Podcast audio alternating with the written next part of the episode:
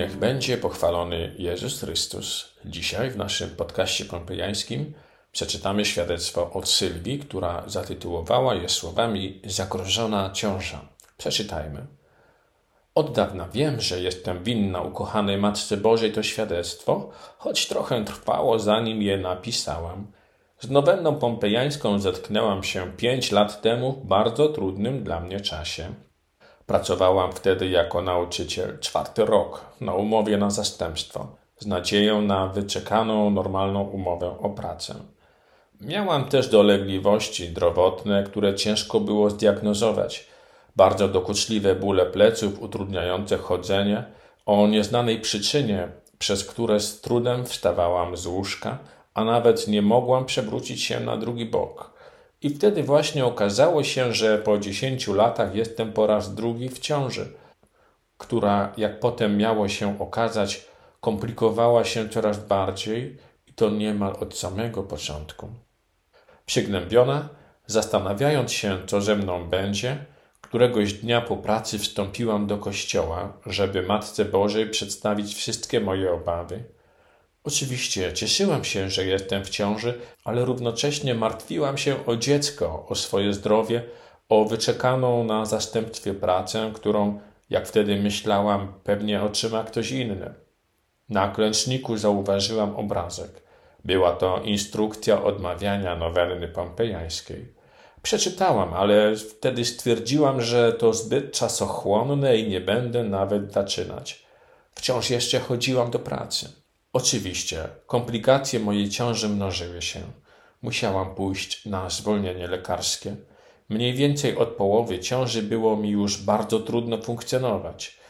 Ciągłe plamienia spowodowane nisko położonym łożyskiem, konieczność leżenia w łóżku, do tego dołączyła cukrzyca ciążowa, która przy moim unieruchomieniu stwarzała dodatkowe problemy z utrzymaniem prawidłowego poziomu cukru, nadciśnienie, z którym żyłam już kilka lat.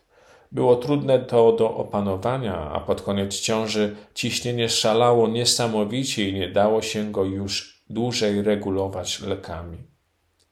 Na koniec moje dolegliwości bólowe w okolicach pleców także przybrały na sile i to do tego stopnia, że nie byłam w stanie wstać z łóżka bez pomocy innej osoby. Ogólnie było tragicznie. Często płakałam, chyba nawet popadłam w depresję. I wtedy odwiedziła mnie przyjaciółka, która po prostu stwierdziła, że będzie za mnie odmawiać nowennę pompejańską, bo chyba nie ma innego ratunku. A ja, słysząc to, zawstydziłam się bardzo. Pomyślałam, że skoro sama nie rozpoczęłam nowenny, to Matka Boża nawet znalazła mi kogoś, kto będzie modlił się za mnie tą modlitwą. To nie mógł być przypadek. I tym sposobem ja rozpoczęłam nowennę pompejańską. Modliłyśmy się we dwie. Teraz myślę, że chyba dużo tych problemów przedstawiła Matce Bożej, skoro dwie nowenny były potrzebne, aby im zaradzić. I to było coś, co pozwoliło mi przetrwać do końca ciąży. Skupiona na modlitwie, odrywałam głowę od czarnych myśli, mimo że wszystkie komplikacje, które wcześniej wymieniłam, trwały i przybierały na sile. Tym bardziej, im bliżej było do rozwiązania. Momentami było mi bardzo ciężko. Odprawiłam nowennę, ale modlitwa różańcowa została ze mną na dłużej. 23 maja 2019 roku urodziłam zdrowego synka, o dziwo bez komplikacji. Wkrótce po urodzeniu dziecka zauważyłam, że moje dolegliwości bólowe w okolicach pleców całkowicie zniknęły. Po cukrzycy oczywiście nie było śladu. A praca? Pani dyrektor na mnie poczekała i po urlopie macierzyńskim podpisałam umowę o pracę na czas nieokreślony. Pracuję do dzisiaj. Dziękuję Ci, Maryjo. Jestem przekonana, że to dzięki Tobie wszystko się poukładało i sama doświadczyłam, jak potężna jest modlitwa różańcowa. Sylwia. Dziękuję Ci, Sylwio. Choć nie poszłaś za tym pierwszym odruchem, aby odmówić nowennę pompejańską, którą znalazłaś w kościele, Matka Boża przypomniała się ponownie poprzez Twoją przyjaciółkę i dobrze, że odpowiedziałaś na to wyzwanie. Pierwszym, najważniejszym elementem tego świadectwa jest to, że ta modlitwa, modlitwa różańcowa, modlitwa nowenna pompejańską, która wydawała się być zbyt czasochłonna, rozgoniła twoje czarne myśli. Już popadałaś w depresję i wtedy sięgnęłaś po różaniec.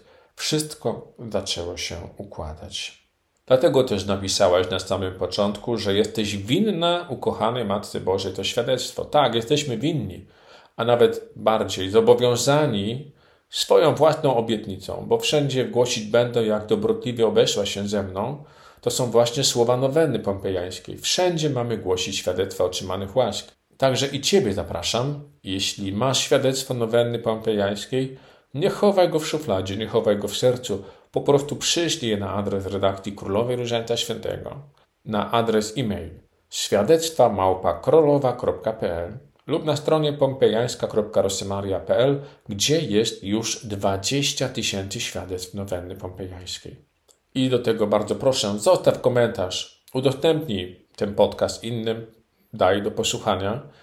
Dzięki temu też może ktoś inny sięgnie po różaniec i nowennę pompejańską i będzie modlić się o łaski dla siebie w swoich potrzebach. Taka zachęta może wiele dać. I jeszcze jedno, bardzo ważne. Sylwia napisała, że znalazła obrazek nowenną pompejańską w kościele. Takich obrazków w naszej redakcji wysłaliśmy w świat już dwa miliony. I to dzięki wielu ludziom dobrej woli udaje się takie obrazki zostawiać w kościołach, w kaplicach szpitalnych, więziennych i w wielu miejscach.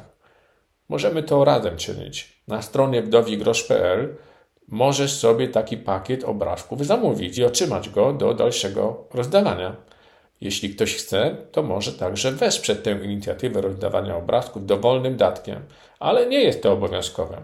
Najważniejsze jest to, żeby znajdowały się ręce i nogi, które zaniosą te obrazki, to przesłanie nadziei i rozdadzą innym, którzy tej nadziei potrzebują.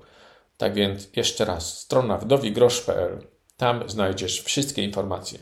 Dziękuję Ci, Sylwio, za przysłane świadectwo. Dziękuję Ci za wysłuchanie tego świadectwa. I do usłyszenia. Marek Woś, dwumiesięczny Królowa Różańca Świętego.